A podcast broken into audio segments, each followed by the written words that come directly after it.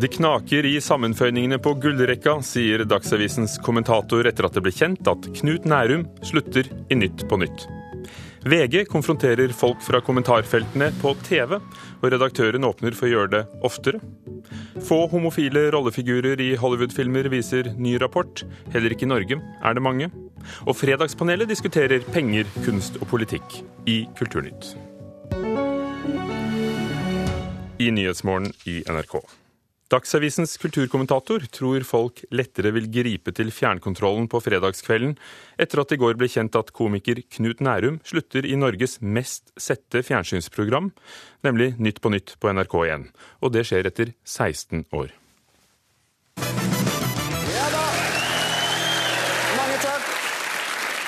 Til Nytt på Nytt. Nytt på nytt, fredagskos og gullrekka. Akkurat slik vi liker det, og slik det alltid har vært. Altså, byttene til venstre måtte vi etter hvert lære oss å godta, men på høyre flanke har det heldigvis vært stabil satire og trygt og godt. Eh, hvis man er et gravid mummitroll, kan man ta seg et lite glass, eller bør man har to underernærte rottweilere i gangen som har sovet dårlig. Er det, to, er det barna dine du snakker om, Knut?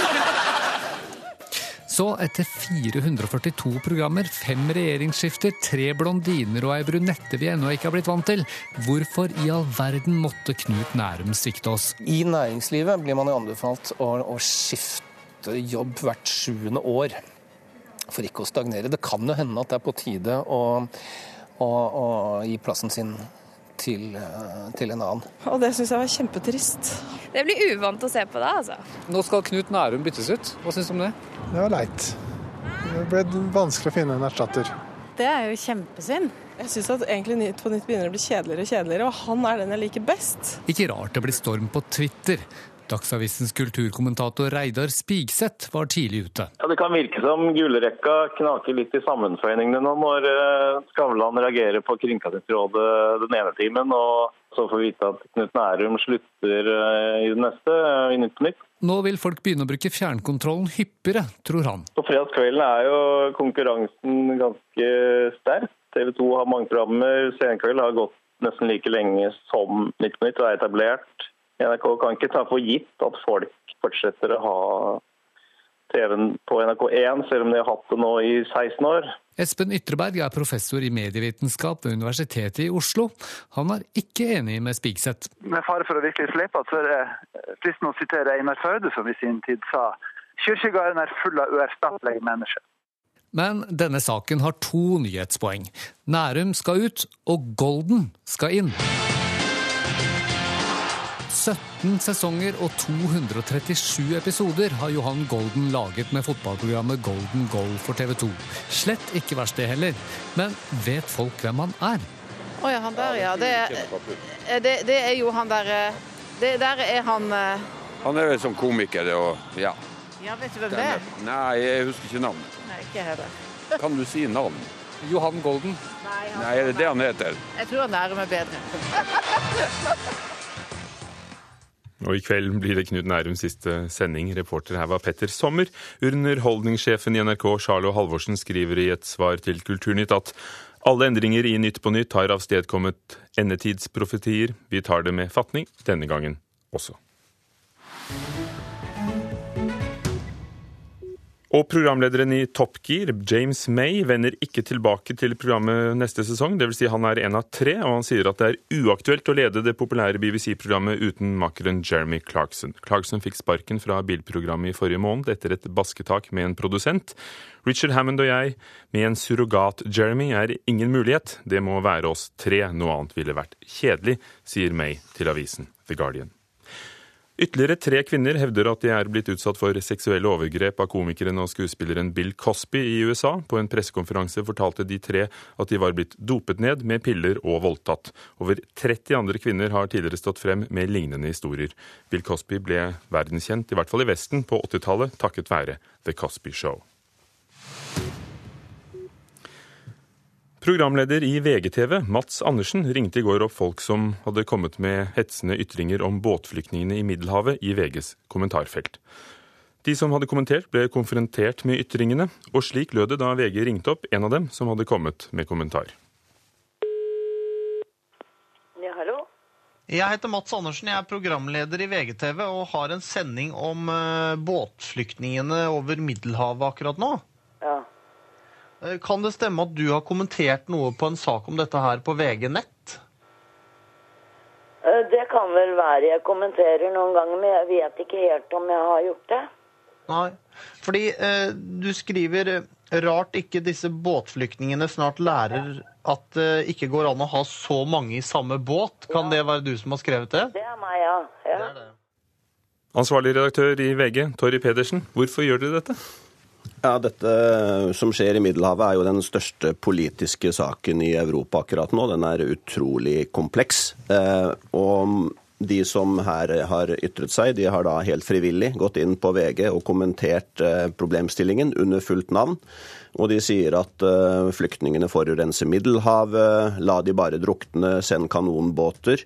Eh, Jeg vil jo mene det er relativt inhumane holdninger. Så da er det et poeng for oss å prøve å få de til å utdype hva som ligger bak disse resonnementene.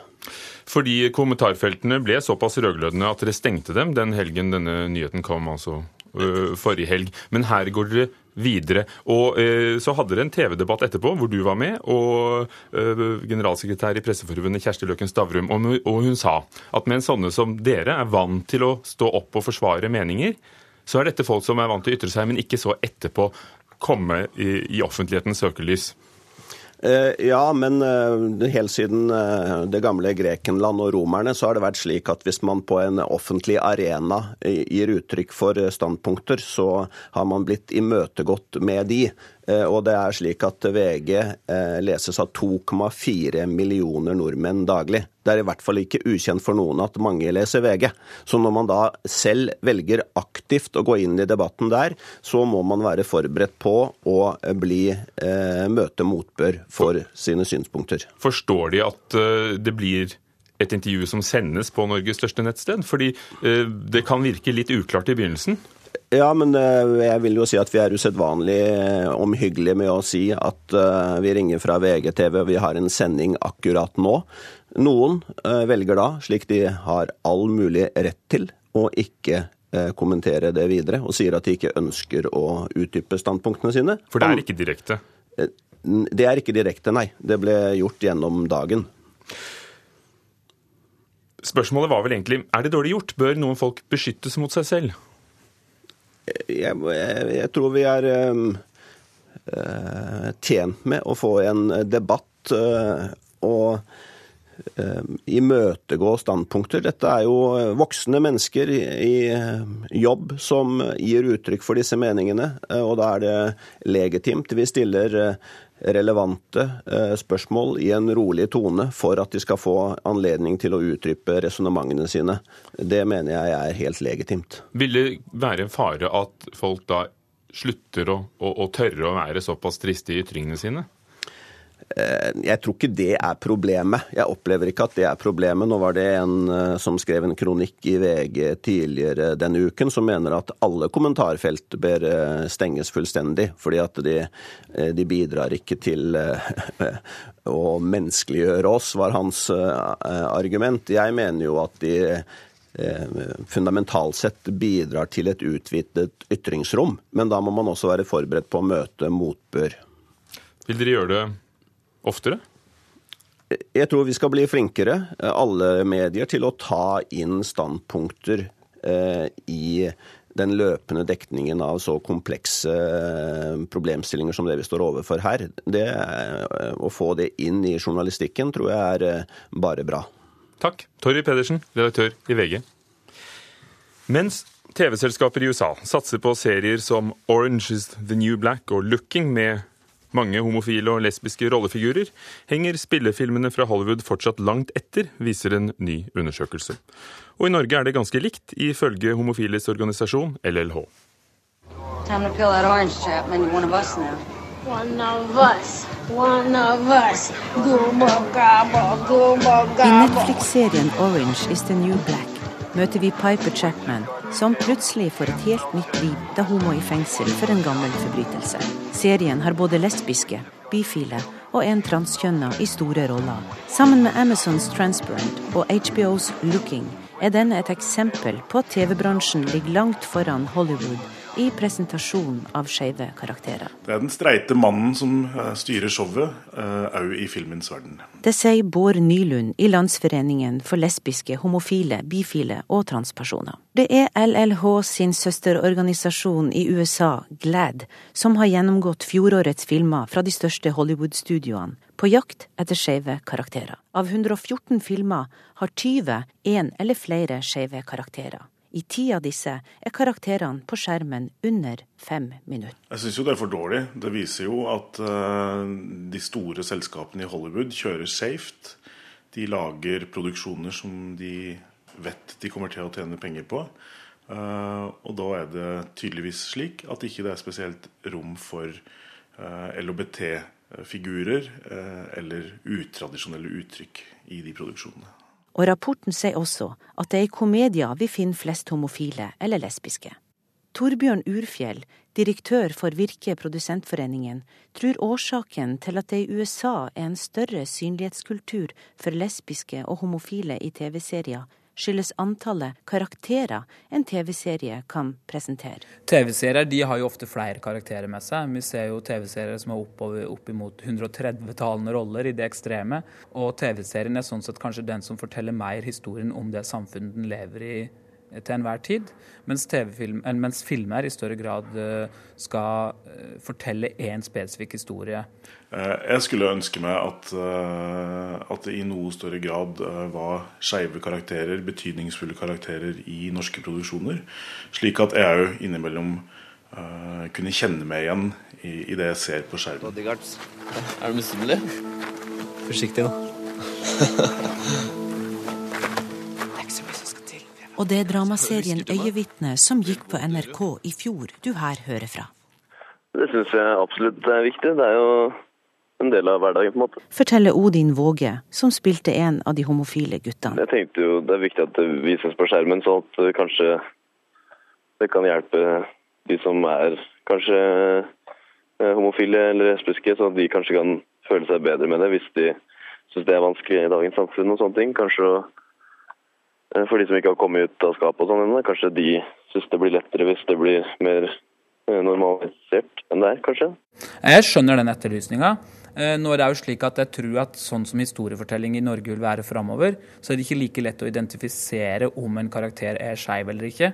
Jeg så nylig en norsk film der jeg tenkte at jøss, dette er en ung jente som åpenbart må må, må være forelska i en litt eldre dame. Eh, og, og, for meg så var det en skeiv karakter, mens for en annen så vil det kanskje ikke bli oppfatta som en skeiv karakter. Sa Bård Nylund i LLH til reporter Tove Kampestuen Heierdal. Klokken er 16 minutter over åtte. Du hører på Nyhetsmorgen i NRK.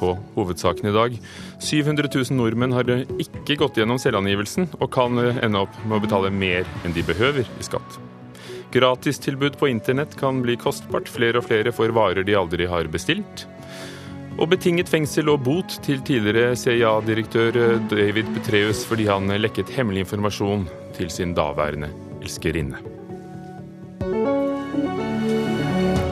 Hver fredag samler vi i Kulturnytt et panel som tar for seg tre av ukens kultursaker, og så lager vi en egen podkast av det, så hvis du ikke får hørt alt, så kan du gå og hente den etterpå. I dag sier jeg velkommen til Terje Eidsvåg, kommentator og filmanmelder i Adresseavisen i Trondheim. Hallo.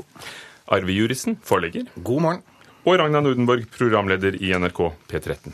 God morgen. Første spørsmål. Kulturhus over hele landet risikerer å måtte betale tilbake moms for de siste syv årene. Sist uke mottok konserthusene i Stavanger og Kristiansand et krav på over en halv milliard kroner til sammen. Det har nemlig vært forvirring rundt uh, hvorvidt kulturhus skulle få tilbake eller ikke penger de har lagt ut for moms.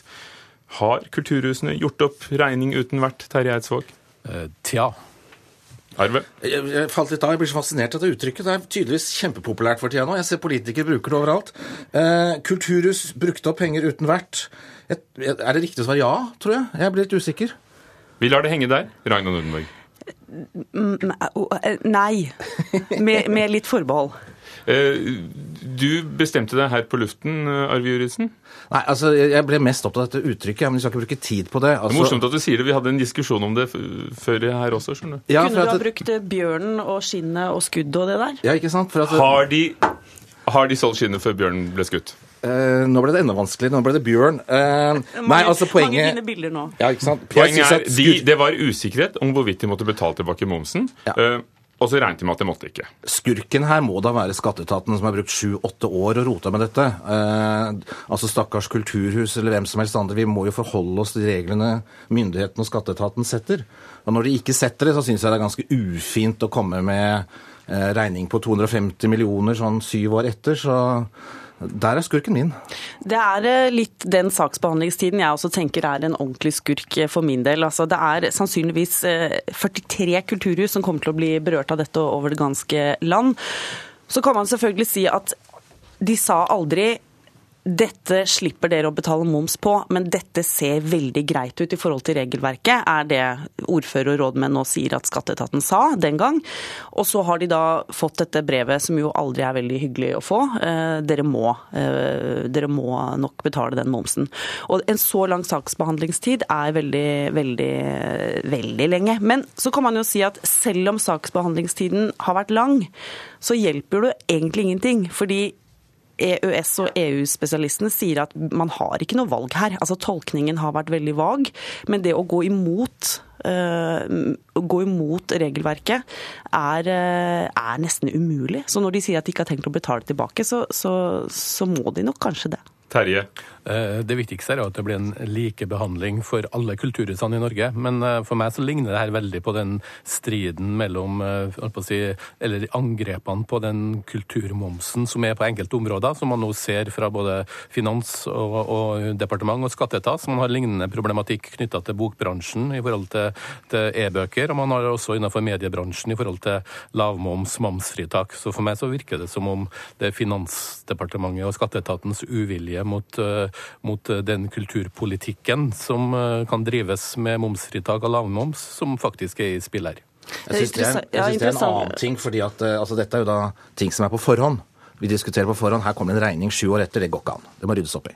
Jeg tror også det er eh, masse politikk eh, i alle skattesaker når det gjelder eh, kultur, men det finnes også et ganske tydelig lovverk i Norge som handler om at man har lov og anledning til å tilrettelegge for et rikt norsk kulturliv. Og det er jo det de har tatt utgangspunkt i, de de politikerne som i sin tid syntes at dette var en god idé. Men samtidig sier jo f.eks. Argumentet her er altså at, at dette er et kommersielt marked, for det er mange private som lager kultur også. Og, og er det da riktig at det skal være en sånn fordel å være eh, en, en kommunal mastodont i forhold til et lite revyteater, kanskje? Altså, man kunne jo man kunne, Terje, Terje, Ja, unnskyld. ja, du sitter i Trondheim, så jeg gir deg ordet. Ja, nei, eh, Konsekvensen hvis det her skal gjennomføres med, med, med å, å, å fjerne momsfordelene som gjelder eh, alt som kulturhus driver med, så vil jo det være et, et stort anslag mot muligheten til å drive en offentlig kulturpolitikk, rett og slett. Jeg syns ikke at det skal være noen forskjell her på de private kulturhusene og de offentlige. Det som er forskjellen nå, er jo at de offentlige ikke har fått ordentlige regler. Gi de offentlige ordentlige regler, og så får vi ta regninga fra den dagen. Ja, det er jeg enig i. Hvis man da ikke da lager kultur til da sak nummer to, hvor vi virkelig går imot EU og EØS. Altså Jeg husker sånn No Fish Henry T. Olsen. Nå er det liksom Kulturhus-Norge som, som, som, som står opp mot Jo, jo. EUs tøffe direktiver. La oss inkludere litt i den marsjen, da. Ikke bare kulturhusene. Vi kan ta masse Ja. kultur inn der. Men, men eh, et slags kompromiss som ligger i vannskorpa her, vil jo være en slags lavmoms for hele kulturlivet. Eh, Det er jo det som jeg ser på en måte som kan bli en mulig løsning på det her. Ja, for det fikk kinoene og museene, og dermed kan alle, offentlige og private, trekke fra den momsen de legger ut til, til det de kjøper inn. Jeg, jeg vil ikke komplisere det med den lavmomsen, men takk for at du gjorde det, Terje Eidsvåg. Eh, Neste spørsmål. Stein Erik Hagen, investor, tidligere kjøpmann, vurderer å gi kunstsamlingen sin til Nasjonalmuseet, skrev Aftenposten denne uken. Da vil han i tilfelle kreve at de 1500 verkene blir utstilt fast på 2000-3000 kvadratmeter, ifølge spekulasjonen her. Bør museet takke ja til en slik gave, Terje? Eh, nei. Ragna? Ja. Arve? Nei. Hvorfor ikke? Det ville da vært enestående. Nei, eh, staten og kommunen Oslo har mer enn nok kunst de ikke klarer å ta vare på.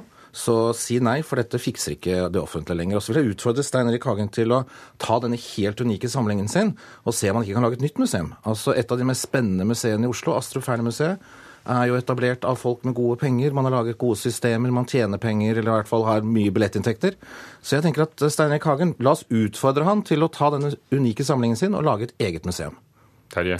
Eh, hvis det er riktig som det kommer frem her, at det stilles store betingelser til den gaven her, bl.a. med arealet og, og, hvor og hvordan det skal henges, så, så, blir på en måte konseptet for meg jo større betingelser, jo mindre ligner det på en gave. Mm. Det er eh, en eh, veldig, veldig dårlig historikk på å gi ting til Oslo kommune. Det er jeg helt enig med Arve om. Eh, Munch trodde han skulle få litt bedre behandling av sine verker. Stenersen trodde det.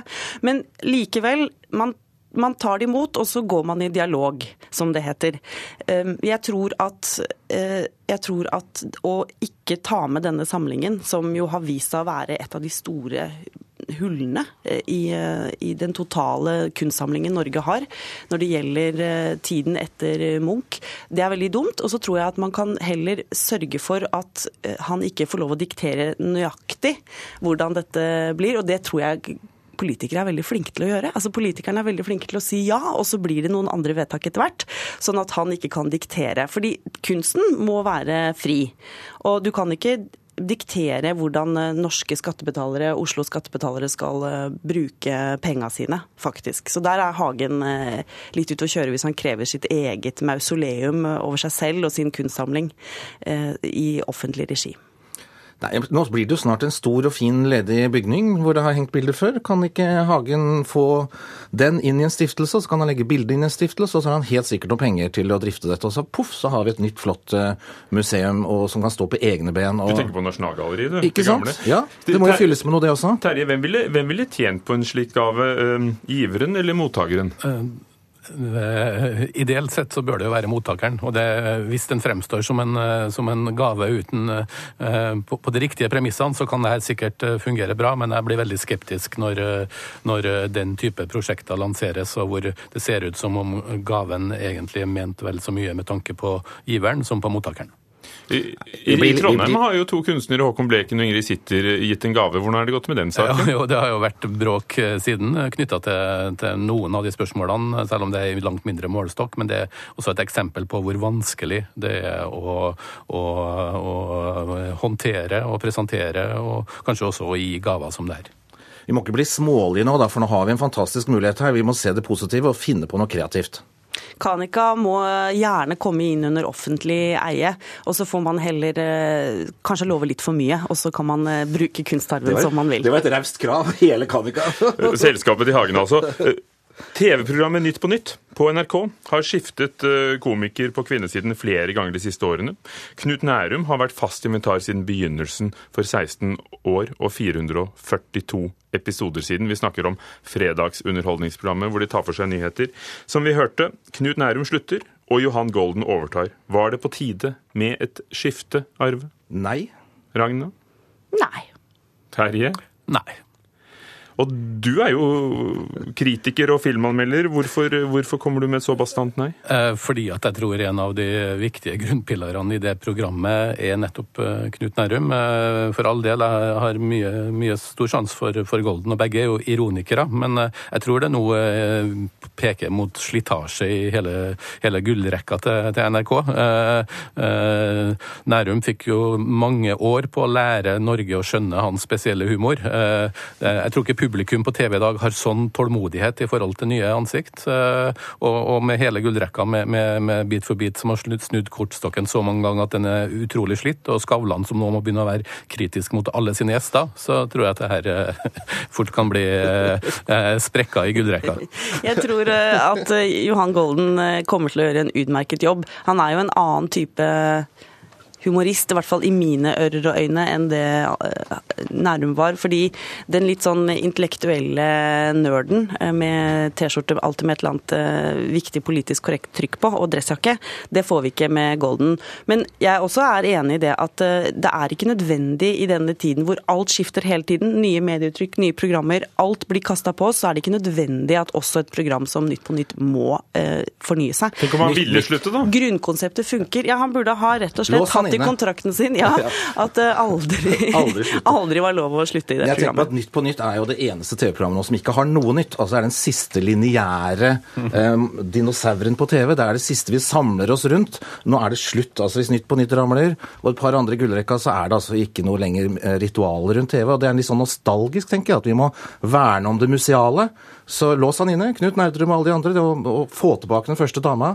Og så la oss ha dette som det siste gode, gamle 'slik var TV i gamle dager'. Og det tror jeg faktisk Ter- egentlig... Terje, var ikke folk like skeptiske da Annika Terland Hærland skulle slutte? Eh, jo, men TV TV-verdenen har foren- forandra seg. Konkurransen har blitt mye sterkere. Eh, og det kan eh, godt hende, godt hende at eh, Johan Golden etter hvert også vil bli like folkekjær, men jeg tror ikke han vil få like mye tid på seg til å kunne etablere seg som det de andre har fått. Burde NRK sitte stillere i båten enn de gjør? Nei, men det, det, det, Programmet her Nytt på Nytt preges jo også av en viss slitasje, og jeg kan godt skjønne Knut Nærum, eh, men det illustrerer kanskje litt av problemet med å drive en så enorm suksess over så lang tid. Knut Nærum er jo smart. altså Han hopper jo nå av i den aller siste svingen før proppen forsvinner og båten synker. Så han gjør jo det kloke valget her. Det vi er bekymra oss for nå, er jo Almås, stakkar. Hvis han skal gå ned med båten, hvordan går det da med hans karriere? Det- Spiker på Birken hvert år, det. Spiker på Birken hvert år. Det er ikke så dumt, det heller. Men eh, nei, Nerdrum er smart, og Golden kommer til å fikse dette kjempebra. Men det er synd med museer som stenger. Umo Ugo Formariello som ny programleder i Nytt på Nytt. Der har vi den. Takk til, takk til dere i Fredagspanelet, Ragna Nordenborg, Arve Juritzen og Terje Eidsvåg. Kulturnytt var ved Ugo Fermariello.